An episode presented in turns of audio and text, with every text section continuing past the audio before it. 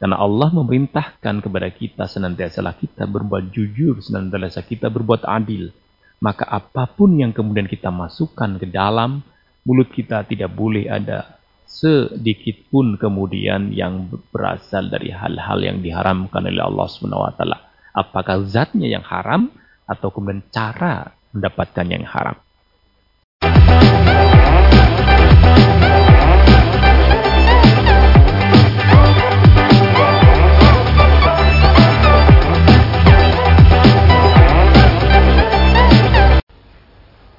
Bismillahirrahmanirrahim. Assalamualaikum warahmatullahi wabarakatuh. Saudara pemirsa channel terpilih MTA TV di mana pun Anda berada. Puji syukur Alhamdulillah senantiasa kita panjatkan kehadirat ilahi Rabbi Allah SWT Atas genap karunia nikmat dan juga rahmatnya untuk kita semua Di perjumpaan awal aktivitas pagi hari ini. Kita jumpa kembali di program unggulan Fajar Hidayah Dan Alhamdulillah kita sudah terhubung dari Pondok Pesantren MTA yang ada di Mojokerto Karanganyar dengan beliau Ustadz Suprapto STHI MPI. Assalamualaikum warahmatullahi wabarakatuh Ustadz.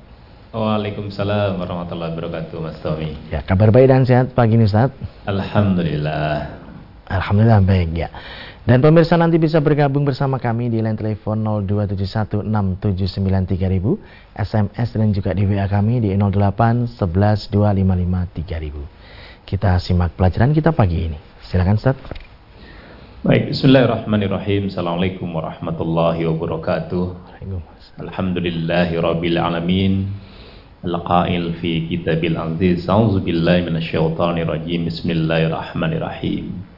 Ya ayyuhalladzina amanu taqullaha wal tanzur nafsum ma qaddamat lighad. Wattaqullaha innallaha khabirum bima ta'malun. Asyhadu an la ilaha illallah wa asyhadu anna Muhammadan abduhu rasuluh. Allahumma shalli ala Muhammad wa ala alihi wa ashabihi wa man tabi'ahudahum bi ihsanin la yaumiddin. Amma ba'd. Bapak Ibu, Saudara dan Saudari semuanya yang dimuliakan oleh Allah, kita bersyukur kepada Allah di hari Jumat pagi ini sebagaimana biasa kita belajar bersama, mengingat bersama tuntunan-tuntunan agama kita dari Al-Quran dan Sunnah, yang kemudian dengan dua dasar ini dan juga perilaku para alim ulama kita yang kemudian mendasarkan kepada dua dasar ini, bisa dari hari ke hari memperbaiki, meningkatkan keimanan kita, ketakuan kita kepada Allah Subhanahu wa taala. Sebagaimana kita ketahui bahwa rasa syukur itu kemudian akan menambahkan nikmat-nikmat yang lain kepada kita. Allah sudah berjanji, lain syakartum lazidannakum.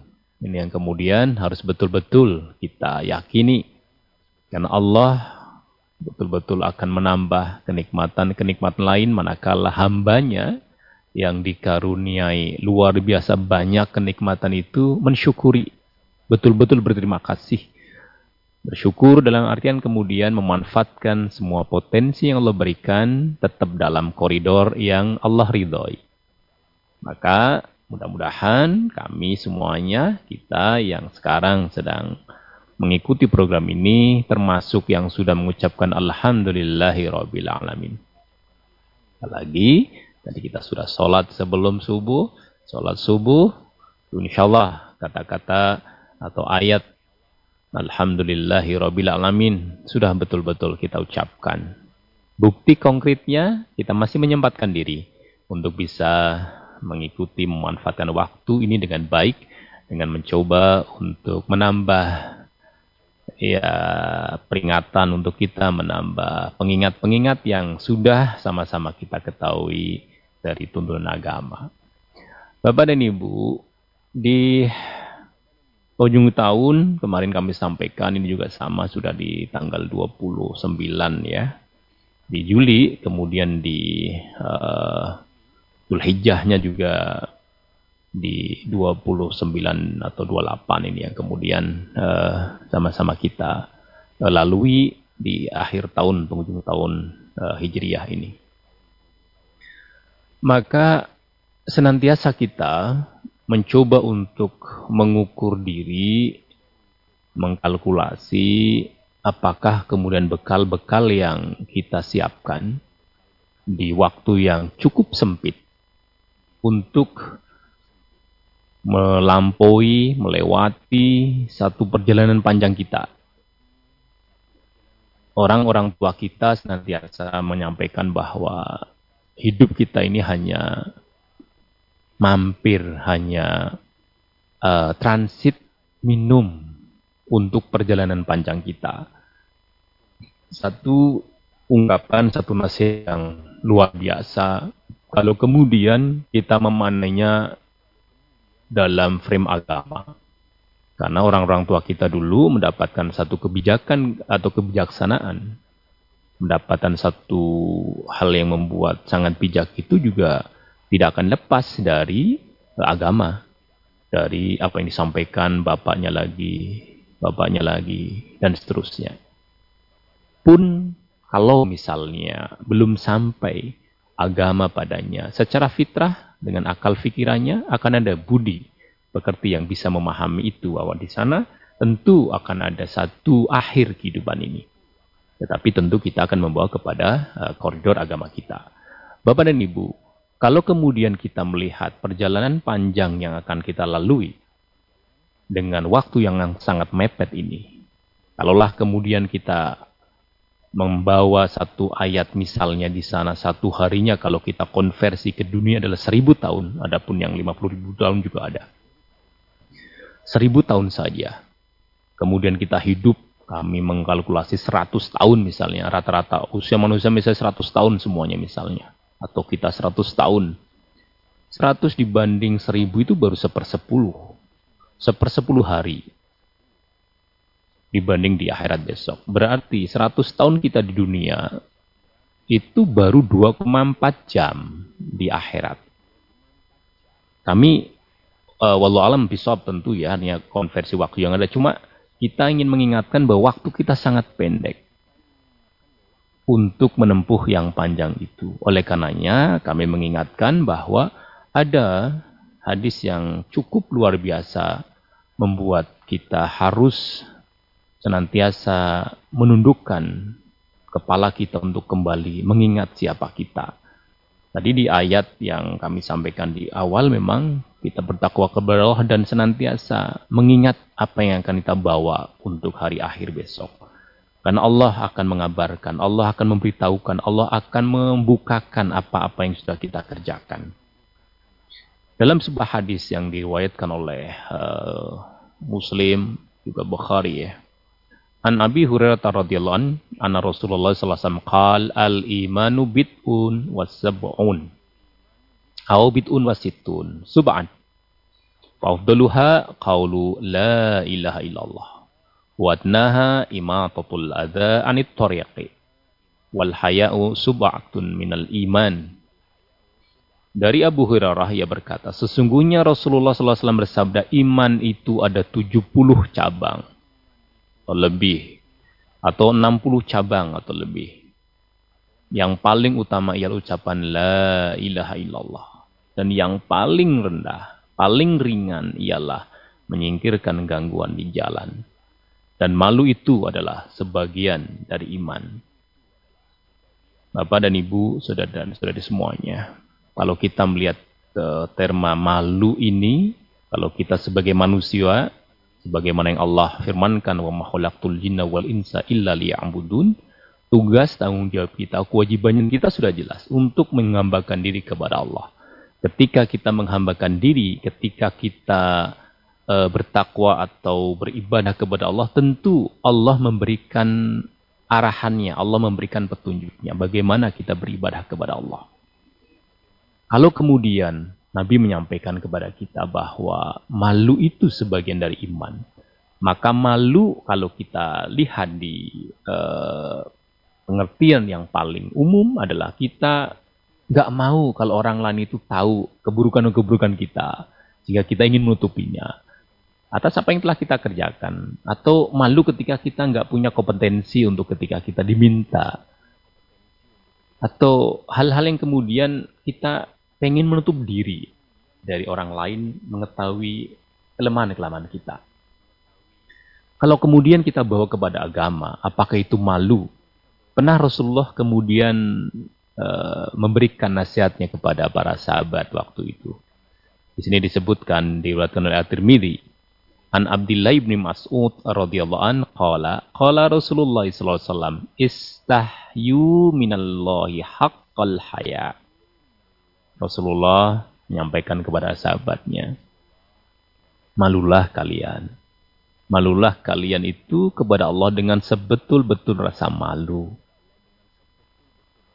Kemudian para sahabat bertanya, Qala kulna ya Rasulullah, Inna lanastahyi walhamdulillah. Para sahabat kemudian menyampaikan, Alhamdulillah ya Rasulullah, kami juga sudah memiliki rasa malu. Kemudian Rasulullah masih bersabda, Qala laisa dhalik, bukan begitu. Walakinnal istihya'u minallahi haqqal haya, akan tetapi rasa malu yang sebenar-benarnya kepada Allah itu apa? Rasulullah menjelaskan antah pada ra'sa wa mawa'a kamu menjaga kepala ini ya dan apa yang di dalamnya. Menjaga pikiran kita ini karena kalau kepala kan tentu konotasinya ke pikiran ya ke hal-hal yang dalam akal kita ini dijaga. Kemudian watahfadul batna wa mahawa dan juga menjaga perut kita dan apa yang kita masukkan apa yang di dalamnya Kemudian juga disebutkan lagi wal tadkuril mauta wal bila. Kamu juga mengingat mati dan juga kehancuran. Artinya sesuatu yang memutus lazat dunia ini. Keindahan, kelezatan dunia. Wa man aradal akhirata taraka zinatad dunia. Dan siapa yang menginginkan akhirat itu maka dia akan menjauhi, akan meninggalkan perhiasan gemerlap dunia ini. Faman fa'ala dzalika faqad istahya minallahi haqqal haya. Kalau kalian semuanya sudah mengerjakan ini, maka kalian sudah benar-benar merasa malu kepada Allah. Bapak dan Ibu, cobalah kita renungkan ketika Rasulullah memberikan pelajaran kepada para sahabatnya ini. Wahai sahabatku, betul-betullah kamu memiliki rasa malu kepada Allah. Karena di sana kan ya ayyuhallazina amanullah haqqa haqqa tuqatih betul-betul takwa kepada Allah. Di sini juga sama, ada kemudian istahyu minallahi haqqal haya. Kalau kita kemudian melihat sahabat dengan dengan cukup uh, jelas menjawab apa yang disampaikan Rasulullah ketika Rasulullah menyampaikan tak malulah kamu kepada Allah dengan sungguh-sungguh rasa malu kepadanya. Para sahabat, ya Rasulullah, kami juga sudah punya rasa malu, Alhamdulillah. Luar biasa jawaban para sahabat. Dengan sangat jujur, kita sudah punya malu. Tetapi kemudian malu yang dimaksud ketika hakol haya itu adalah ada beberapa hal yang harus kita pegang. Satu, menjaga pikiran kita dari hal-hal yang tentu tidak pantas. Malu kan melakukan sesuatu yang tidak pantas kita malu kan. Di hadapan manusia lain ini kepada Allah. Maka apa pun yang kita pikirkan, apa pun yang kemudian kita akan ucapkan, apa pun yang kemudian kita akan lakukan dengan pikiran yang ada di dalam kita. Kalau pikiran kita kita jaga sebagai pikiran orang yang beriman, sebagai pikiran orang yang bertakwa, sebagai pikiran orang yang mengklaim tahu agama, tahu petunjuk, yakin pada petunjuk ini, dan sama-sama akan kita amalkan, mana yang dilarang, mana yang diperintahkan, tentu itu adalah bentuk kita malu kepada Allah. Menjaga semua yang akan keluar dari mulut dengan perbuatan, dengan pikiran, itu adalah hal-hal yang senantiasa baik yang kemudian ada di dalamnya. Kalau ada hal-hal yang kemudian gak bagus, tentu akan dikeluarkan. Malu kita kepada Allah. Kemudian kita juga diminta Rasulullah untuk bagaimana kita bisa memiliki rasa malu yang sesungguhnya adalah menjaga perut kita. Kadang kita secara singkat itu apa pun yang kita kerjakan di dunia untuk berusaha ya mencari uh, rizki dalam konteks ini mencari uh, apa namanya bekerja mencari nafkah dan sebagainya Kadang ending akhirnya urusan perut orang mengatakan begitu. Karena urusan sangat esensi kan e, makan termasuk esensi ya. Tetapi kemudian esensi yang diklaimkan orang sehingga apa pun kesannya harus bisa dilakukan yang penting kita bisa makan. Dalam pandangan agama, orang yang mengklaim seperti itu dia tidak punya rasa malu kepada Allah. Karena Allah memerintahkan kepada kita senantiasa kita berbuat jujur, senantiasa kita berbuat adil. Maka apa pun yang kemudian kita masukkan ke dalam mulut kita tidak boleh ada sedikit pun kemudian yang berasal dari hal-hal yang diharamkan oleh Allah Subhanahu wa taala. Apakah zatnya yang haram atau kemudian cara mendapatkan yang haram. Kalau kita bisa menjaga perut ini, maka itu bagian dari rasa malu yang sesungguhnya kepada Allah. Sudah dua, kepala kita di perut kita. Kemudian kita juga senantiasa mengingat akan kematian dan juga yang memutus kehidupan ini. Gerbang kematian itu sudah pasti. Setiap orang di seluruh dunia ini, mau kafir, mau iman, siapa pun yang memiliki nafas, memiliki nafsu, memiliki jiwa, memiliki ruh, dia akan meninggal, dia akan mati dan memasuki gerbang yang sama. Israel nanti yang akan mengambil, akan mencabut nyawa kita ini. Kalau kita mengingat apa pun yang kita kerjakan akan ada endingnya. Apa pun yang kita kerjakan di dunia sebagai kita mampir tadi, mampir minum tadi, perjalanan yang panjang kita ini itu untuk mempersiapkan ke sana, maka kita harus ingat senantiasa itu. Kita juga harus mem memaknai bahwa apa pun di dunia ini yang menyenangkan kita, itu akan melenakan kalau kita tidak bersikap dengan lebih bijak. Kita meninggalkan gemerlap dunia ini dalam arti adalah apa pun yang kita kerjakan, jangan sampai kita mengejar dunia. Karena yang diperintahkan adalah wabtaghi fi darul akhirah. Yang kita kejar adalah bagaimana kehidupan besok kita di akhirat. Ulatan sanasiba kami dunia pun kamu jangan lupakan bagian kamu di dunia. Kamu bisa hidup, tentu kamu harus berusaha. Ketika kamu berusaha di tengah-tengah seperti ini, berusahalah semaksimal yang kamu mampu dengan jalan-jalan Allah tentukan. Dengan kejujuran, dengan loyalitas, dengan dedikasi, dengan akhlak yang mulia yang bisa kita berikan dalam setiap aktivitas kita. Oleh karenanya, Bapak, Ibu, dan Saudara, di penghujung tahun kita berarti sudah betul-betul bagaimana memahami kita sebagai hamba yang sudah Allah berikan ruh kepada kita yang Allah cipta kita diciptakan oleh Allah ini. Tujuannya jelas kita untuk menghambakan diri kepada Allah.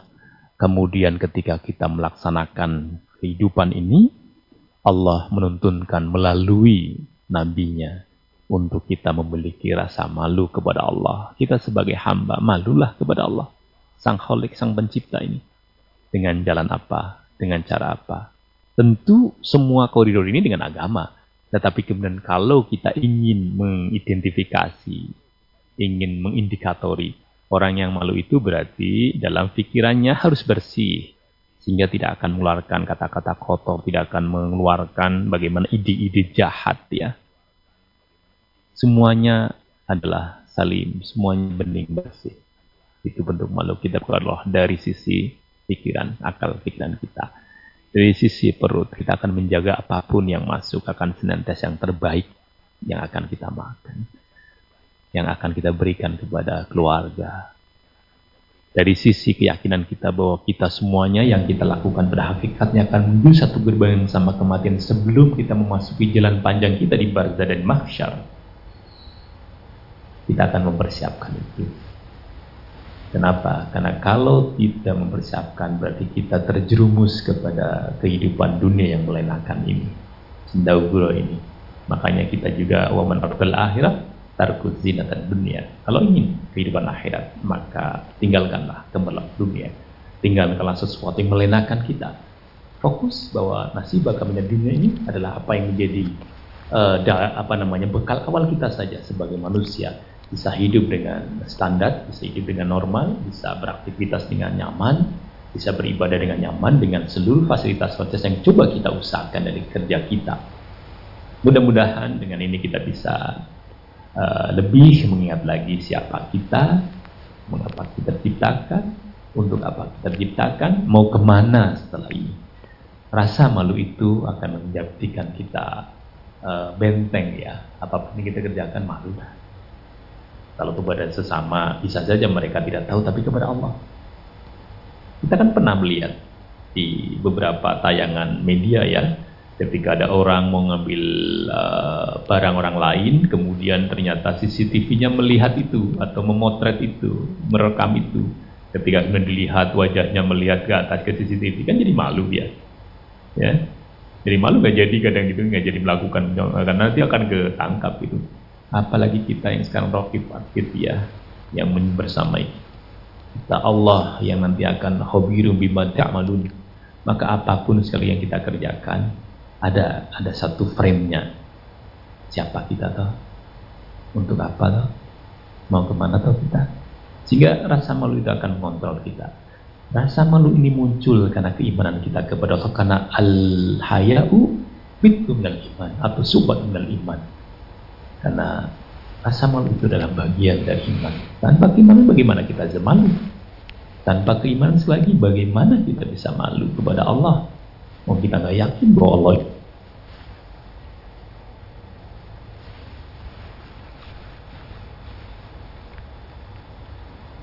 ini dan kita nanti bisa dilanjutkan dengan uh, diskusi saling uh, mengingatkan hal-hal yang bermanfaat di pagi hari ini. Ya. Baik pemirsa, kami harapkan Anda bisa bergabung bersama kami di line telepon 02716793000. SMS dan juga di WA kami di 08 11 255 3000. Namun sebelumnya kita akan simak beberapa informasi dalam rangkaian jeda pariwara berikut ini. Baik saudaraku pemirsa channel terpilih MTA TV di mana pun Anda berada, terima kasih Anda masih setia bersama kami, khususnya di program unggulan Fajar Hidayah pagi ini. Kesempatan pertama kami persilahkan di line telepon 6793000 untuk bisa bergabung. Halo, Assalamualaikum. Halo, Assalamualaikum. Waalaikumsalam warahmatullahi wabarakatuh. Ya, dengan siapa di mana Ibu? Ini ya, dari Ibu Ti Wonosobo. Ibu Titi Wonosobo silahkan. Terima kasih. Assalamualaikum warahmatullahi wabarakatuh Pak Ustadz. Assalamualaikum warahmatullahi wabarakatuh Ibu Ti. Yang ini ditanyakan gini, misal uh, mengikuti imam uh, tapi sholatnya itu kan pakai sir bacaannya sir. Jadi uh, yang saya lakukan apa harus membaca sendiri dari fatihah sampai surat-suratnya atau bagaimana Pak Ustadz lalu yang kedua ini titipan pertanyaan dari anak. Misal anak menanyakan begini Pak Ustadz misalkan kan uh, wudhu tapi selesai wudhu itu lupa tidak doa ingatnya itu setelah selesai sholat. Uh, begitu uh, kata anak saya bagaimana sholatnya begitu Pak Ustadz. Wassalamualaikum warahmatullahi wabarakatuh. Waalaikumsalam warahmatullahi wabarakatuh. Baik Ibu Ti ada dua ya, dua ya. pertanyaan. Yang pertama terkait dengan bagaimana ketika kita mengikuti sholat kepada imam yang memang sholatnya sir ya, tidak dinyaringkan, misalnya di duhur ya, duhur asar itu. Maka begitu imam takbiratul ihram, kita juga takbiratul ihram. Kita membaca doa kita membaca kamu, kita membaca Fatihah, kita membaca surat. Seperti kalau kita sholat sendiri. Tetapi gerakan-gerakannya itu mengikuti imam. Imam takbir, kita takbir, imam mengajak ruku, setelah takbir kita ruku, begitu. Jadi ketika kita sirkan seperti kita sholat sendiri. Semua bacaan kita baca semuanya. Ini yang kalau kita sir, kalau kita jar tentu ketika imam membacakan untuk kita, membacakan untuk semuanya dengan menyaringkan, kita mendengarkan. Baik fatihahnya, suratnya. Nanti kalau rokat ketiga, misalnya maghrib atau ketiga dan empat ketika isya, itu ya kita uh, membaca fatihah. Karena kan la sholata liman lam yakrob fatihatil kitab itu yang kemudian kita pahami bahwa kita belum saat kita kalau kita tidak membaca uh, umul kitab atau al-fatihah tentu tadi ketika fatihahnya sudah menyaringkan oleh uh, imam maka cukup bagi kita mendengarkan Dan kalau subuh tentu kita tidak membaca untuk Fatihah dan surat karena sudah dibaca oleh imam, kita kewajibannya adalah mendengarkan. Dengan mendengarkan itu sebagai bentuk kita mampu, itu sudah mencukupi untuk kita. Kemudian bagaimana ketika kita sholat uh, wudhu ya wudhu, kemudian kita lupa untuk membaca doa setelah wudhu. Apakah sholatnya sah bahkan ini tidak sholat? Tidak mengapa ibu. Jadi yang di yang dituntunkan kan kemudian Bismillah dulu Bismillah kemudian ya, wudhu kalau kemudian setelah wudhu belum baca asyhadu an la ilaha illallah wa syarikalah wa asyhadu muhammadan abduhu tidak mengapa. Ya, itu tetap sah gitu. sebagai syarat-syaratnya sholat sholatnya kalau kemudian sesuai dengan uh, tuntunan yang sudah sama-sama kita tahu ya berarti sah. Syarat syahnya juga sudah sah wudhunya tadi selama tentu tadi wudhunya sesuai dengan yang dicontohkan Nabi kita Muhammad SAW yang sudah kita baca di uh, Toharoh ya di bab wudhu begitu. Demikian Ibu T. Ya baik. Kita bacakan Ustaz yang ada di SMS dan WA yang pertama dari Bapak Supriyono di Batang. Menanyakan kalau kita mendengar suara adzan disunahkan untuk menirukan Bagaimana hukumnya Ustadz kalau suara adzan yang kita dengar tidak sesuai tajwidnya atau salah makhrajnya? Demikian. Uh, kalau azan sepertinya uh, anu ya Pak, sangat basic ya. Jadi kan kalau yang tajwid ini kan memang di uh, atau tahsinul Quran tentu di pembacakan Al-Quran ya. Tapi kalau Allah Akbar Allah Akbar ini kan bias. Walaupun kadang orang Allah Allah orang orang tua kadang kan sepuh ya ini desa-desa ya kan? Kadang mengajinya masih sepuh karena yang muda-muda uh, tidak mau tampil. Tetap itu kita pahami sebagai takbir ketika azan itu kemudian di sana juga ada uh, ya ada syahadu alla ilallah ada di sana ya kita baca kita jawab sesuai dengan yang ada. Ayat kita la haula wala quwata illa billah. Artinya tidak ada saya melihatnya tidak ada kaitannya untuk ketika Allah dan mati e, menyelisihi makna ya. Karena untuk azan itu insya Allah e, sangat basic. Jadi tidak ada e, apa namanya hukum-hukum yang e, cukup e, rumit ya. Hingga kalau azannya tidak sesuai tajwid, maksudnya seperti apa? Apakah memang kemudian e, panjang jadi e, pendek? La ilaha illallah misalnya kan ya. atau mungkin dimaksud mungkin sangat panjang ayolah sholat mungkin itu yang dimaksud tidak sesuai tajwid misalnya.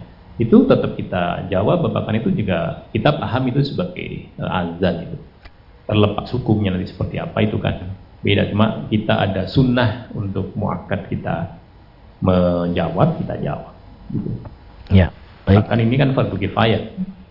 Harus ada yang jawab gitu, untuk menjawab azan. Baik silakan. Ya Kembali di line telepon 02716793000 kami persilahkan. Halo, Assalamualaikum. Halo, Assalamualaikum. Waalaikumsalam warahmatullahi wabarakatuh. Dengan siapa? Di mana Bapak? Uh, Ari di Wonogiri. Pak Ari di Wonogiri, silahkan. Iya. Iya. Ya, Assalamualaikum warahmatullahi wabarakatuh, Ustaz. Waalaikumsalam warahmatullahi wabarakatuh, Bapak Ari. Gini Ustadz, yang saya ingin tanyakan, saya ini kan memang udah jujur ya, saya uh, sakit komplikasi dan apa namanya uh, cuci darah dan saya jalannya pun terhuyung-huyung.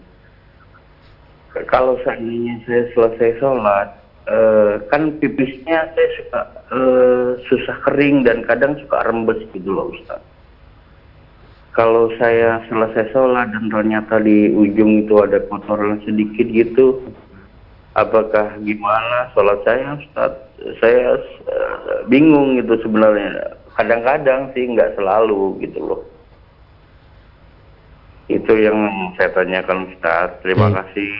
Assalamualaikum warahmatullahi wabarakatuh. Waalaikumsalam warahmatullahi wabarakatuh. Baik, Bapak Ari ya.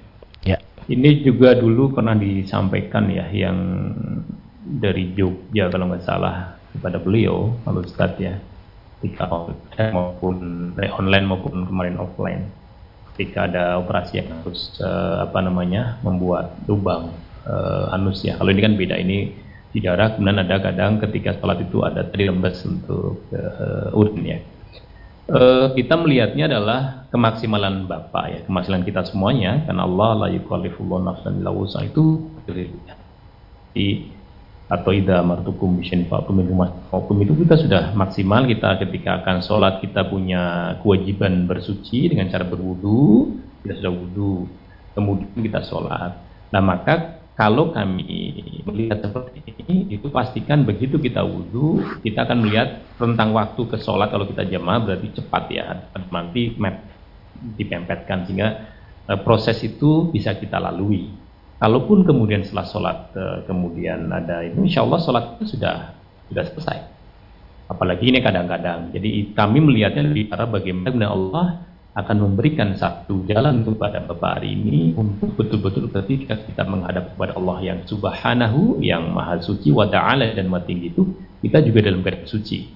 Tapi kemudian ketika Allah memberikan satu ujiannya dengan atas itu. Jadi kalau kita mau sholat uh, sunnah misalnya, berarti kan kita harus wudhu lagi.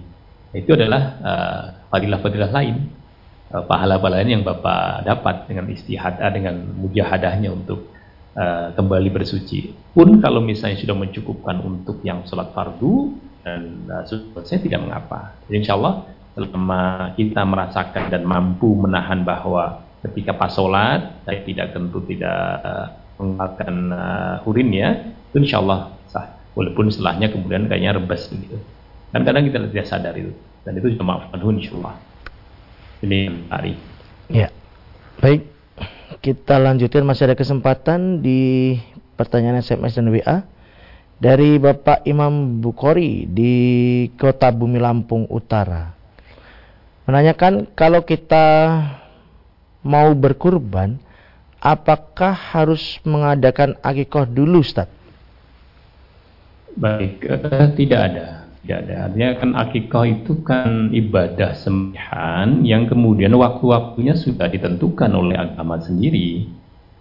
Tujuh hari setelah kelahiran itu kita kalau memiliki anak putra ya laki-laki kita punya harta benda yang mencukupi kita bisa berakikah dua kalau perempuan itu satu. Pun kadang juga bisa. Kalau kita nggak mau ternyata ibu yang mengakikai juga bisa.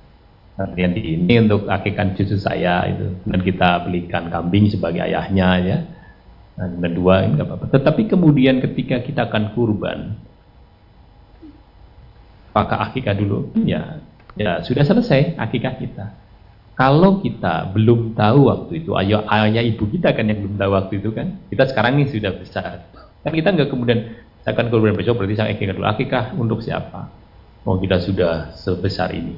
Dan insya Allah kalau kita karena ketidaktahuan orang tua kita walaupun Islam tapi kemudian ilmu untuk uh, memilih apa namanya ilmu sudah sampai tapi tidak mampu mengakikkan kita ya tidak apa mudah-mudahan yang pernah menyampaikan ini untuk si fulan dan untuk umatnya umatku itu cukup untuk kita bagi yang belum kita kita lebih memperbanyak kepada sedekah dan setiap uh, idul adha kita bisa berkurban dan kurban itu kan tidak mesti satu. Mau dua tiga terserah saja. Kambing sepuluh juga tidak apa-apa. Tapi jangan dikatakan ini satunya untuk akikah dulu baru ini kurban. Karena beda. Jadi nusuk yang di itu sudah ada had waktunya. Itu yang perlu kami sampaikan Bapak. Iya. Baik, kita terima kembali di line telepon 6793000. Halo, Assalamualaikum. Ya. Kita bacakan yang ada di SMS dan WA kembali Ustaz dari Ibu Titik di Batang. Menanyakan besok itu besok pagi tanggal 1 Muharram banyak orang yang akan melakukan puasa Apakah puasa satu Muharram ini ada tuntunannya Ustaz? Mohon tausiahnya. Baik, untuk satu Muharram kami belum mana ya, belum tahu. Cuma yang kita di Muharram ini ada dua hari. Tanggal ya, uh, Ayamul Bid tentu biasa yang 13, 14, 15. Cuma untuk yang uh, Nabi itu ketika dalam sebuah hadis ya atau mungkin bisa uh, kami bacakan. An Aisyah radhiyallahu anha qalat kanat Quraisyun tasumu Asyura fil jahiliyah wa kana Rasulullah sallallahu alaihi wasallam yasumuhu falamma hajaru ilal madinati samahu wa amara bi siyamihi falamma furidu syahru ramadhana qala man syaa samahu wa man syaa tarakahu dari Aisyah ia berkata dahulu kaum Quraisy berpuasa pada masa dia dan Rasulullah SAW juga berpuasa. Maka setelah berhijrah ke Madinah, beliau tetap berpuasa Ashura dan memerintahkan kepada para sahabat untuk berpuasa pada hari itu. Kemudian setelah diwajibkan puasa di bulan Ramadan, maka beliau bersabda barang siapa yang ingin berpuasa Ashura silakan berpuasa dan barang siapa yang ingin meninggalkan silakan tidak berpuasa. Ini yang kemudian menjadi dasar kita untuk disunahkannya puasa 10 Muharram. Walaupun ada hadis lain juga bahwa ketika itu yang biasa dilakukan oleh Yahudi dan Rasulullah menambahkan kami berarti akan berpuasa sembilannya dan plus sepuluh berarti. Tapi sebelum beliau melaksanakan itu beliau meninggal dunia. Jadi itu yang uh, bisa kami jawab ketika tanggal 1 kami belum tahu, tapi ketika memang ingin berpuasa sunnah di bulan uh, Muharram selain yang sudah kita pahami di bitnya setiap bulan itu atau mungkin yang uh, Daudnya itu ya ini tanggal 10 atau 9 dan 10 ya 10 atau 9 dan 10 walaupun kemudian Nabi menyampaikan yang mau puasa silakan tidak akan silakan berarti kan suatu sunnah bagi kita. Demikian Ibu. Ya baik. Ya di line telepon kami persilakan. Halo Assalamualaikum. Halo Assalamualaikum. Waalaikumsalam warahmatullahi wabarakatuh. Ya dengan siapa? Di mana Bapak? Hai hamba Allah di Kaltim. Di Kalimantan Timur. Silakan. Assalamualaikum warahmatullahi wabarakatuh, Ustaz. Waalaikumsalam warahmatullahi wabarakatuh, Bapak. Uh, aku dengar pesan dari MTA bahwa orang yang sudah masuk neraka itu tidak akan uh, masuk surga lagi kecuali ada kontak masuk lubang jarum itu. Nah terus ada hadis apa itu saya pernah dengar orang yang sudah terakhir masuk lahir keluar dari neraka dan masuk surga yang terakhir terus disuruh masuk sama Allah ke surga. Terus dia e, surga sudah penuh ya Allah. Pokoknya masuk e, dimasuk lagi terus. Sudah tidak ada tempat untuk kami ya Allah. Pokoknya aku masuk nah, itu gimana berarti kan ada keringanan dari Allah gitu. Perbedaan di Quran dengan hadis hadis apa itu mungkin. Nah, itu Ustaz mohon ya. penjelasan. Assalamualaikum warahmatullahi wabarakatuh. Waalaikumsalam warahmatullahi wabarakatuh. Ya. Bapak, ya baik terima kasih yang ada di Kalimantan ya. Ada hal yang kemudian sama ayat. Hal yang kemudian kita tidak bisa mengetahui secara hakikatnya seperti apa. Bagaimana besok kita di mahsyar. Kita tahu dari apa yang Allah dan Rasulnya sampaikan. Ada dua hal yang terkesan uh, apa namanya Eh, bertentangan mungkin dari sisi Bapak tadi ya. Kita di majelis tafsir ini memahami ada hal-hal yang kot'i dulu. Kot'i itu berarti dari Allah memberikan firman-firmannya.